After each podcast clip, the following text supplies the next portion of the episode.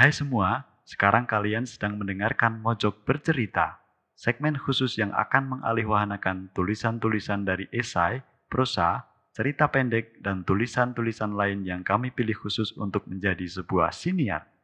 Dan inilah Mojok Bercerita. Selamat mendengarkan.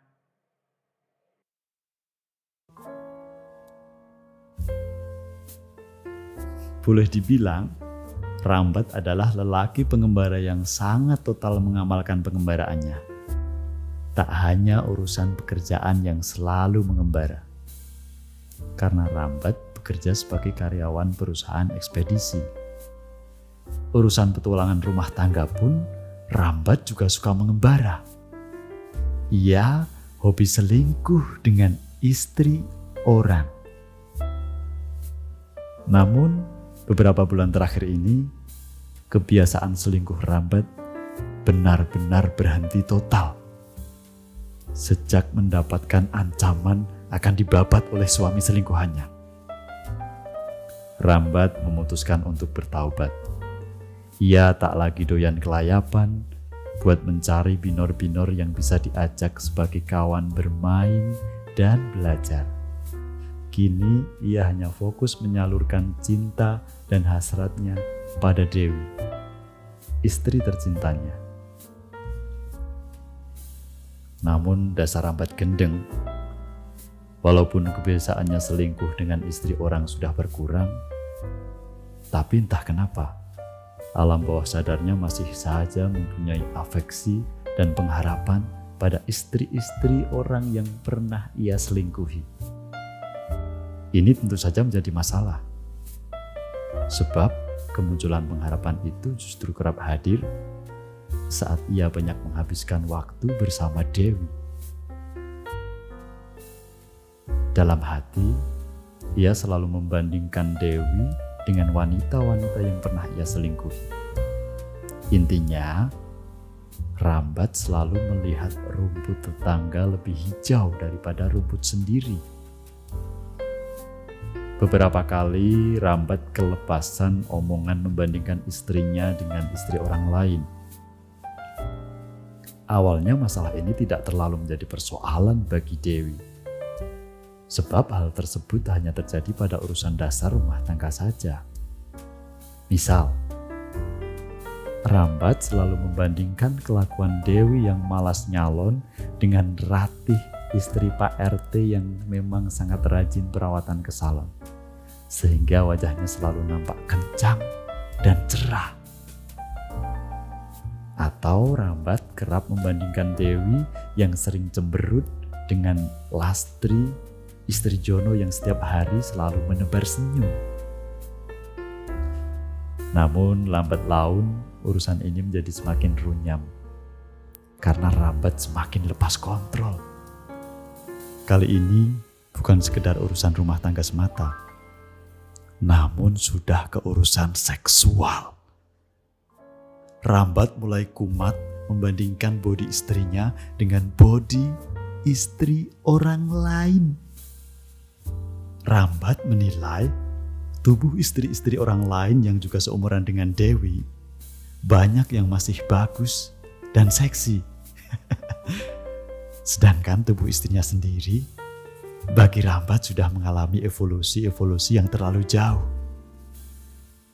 Kesemokannya sudah mulai luntur.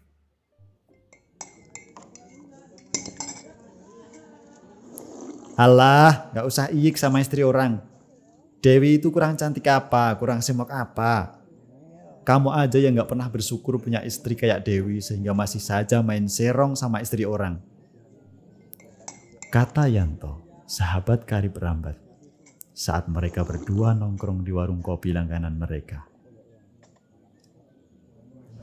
Lah memang kenyataannya begitu kok. Si Dewi ini sudah nggak semenarik dulu. Ya kalaupun memang begitu kamu jangan lantas bilang terus terang soal kekurangan-kekurangan Dewi. Dia bisa sakit hati. Kamu itu jadi suami bu ya peka, pengertian. Jangan goblok-goblok banget. Tapi ya dasar rambat. Walau sudah diberi nasihat oleh Yanto, tetap saja ia ndablek. Ia dengan santainya ceplas-ceplos membandingkan istrinya dengan istri orang lain. Bajingannya lagi, Rambat berani-beraninya bilang hal tersebut saat mereka berdua berhubungan badan.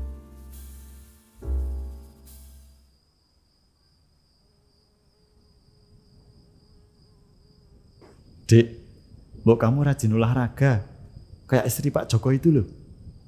Biar tetap kenceng dan gak melotok begini. Ujarnya sambil mencumbui Dewi. Sebagai istri, Dewi memang sesabar-sabarnya perempuan. Dibilang begitu sama Rambat, dia cuek saja. Tidak hirau dan tetap fokus merem melek menikmati cumbuan-cumbuan yang diberikan Rambat. Maklum, kalau ditanggapi, Dewi takut malah bakal jadi ribut. Tak puas dengan didiamkan, Rambat nyerocos kembali mengeluarkan kalimat-kalimat perbandingannya. Dek, minimal minum jamu atau apa gitu loh. Biar tetap kinclong kayak istri Pak Karmin. Kata Rambat. Dewi masih saja sabar. Tapi dasar Rambat. Disabari tapi tak tahu disabari. Lagi-lagi dia kembali ceplas-ceplos. Dek, mbok kamu itu... Kali ini Dewi hilang kesabaran.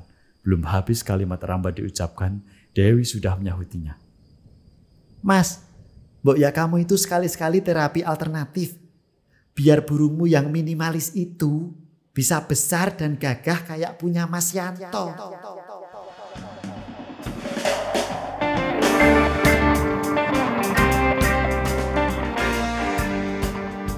Demikianlah alih wahana dari esai membandingkan istri sendiri dengan istri orang lain yang diambil dari rubrik Cipok di mojok.co yang ditulis oleh Muhammad Adlan Ali Arifin dan dibacakan oleh Ahmad Sofyan.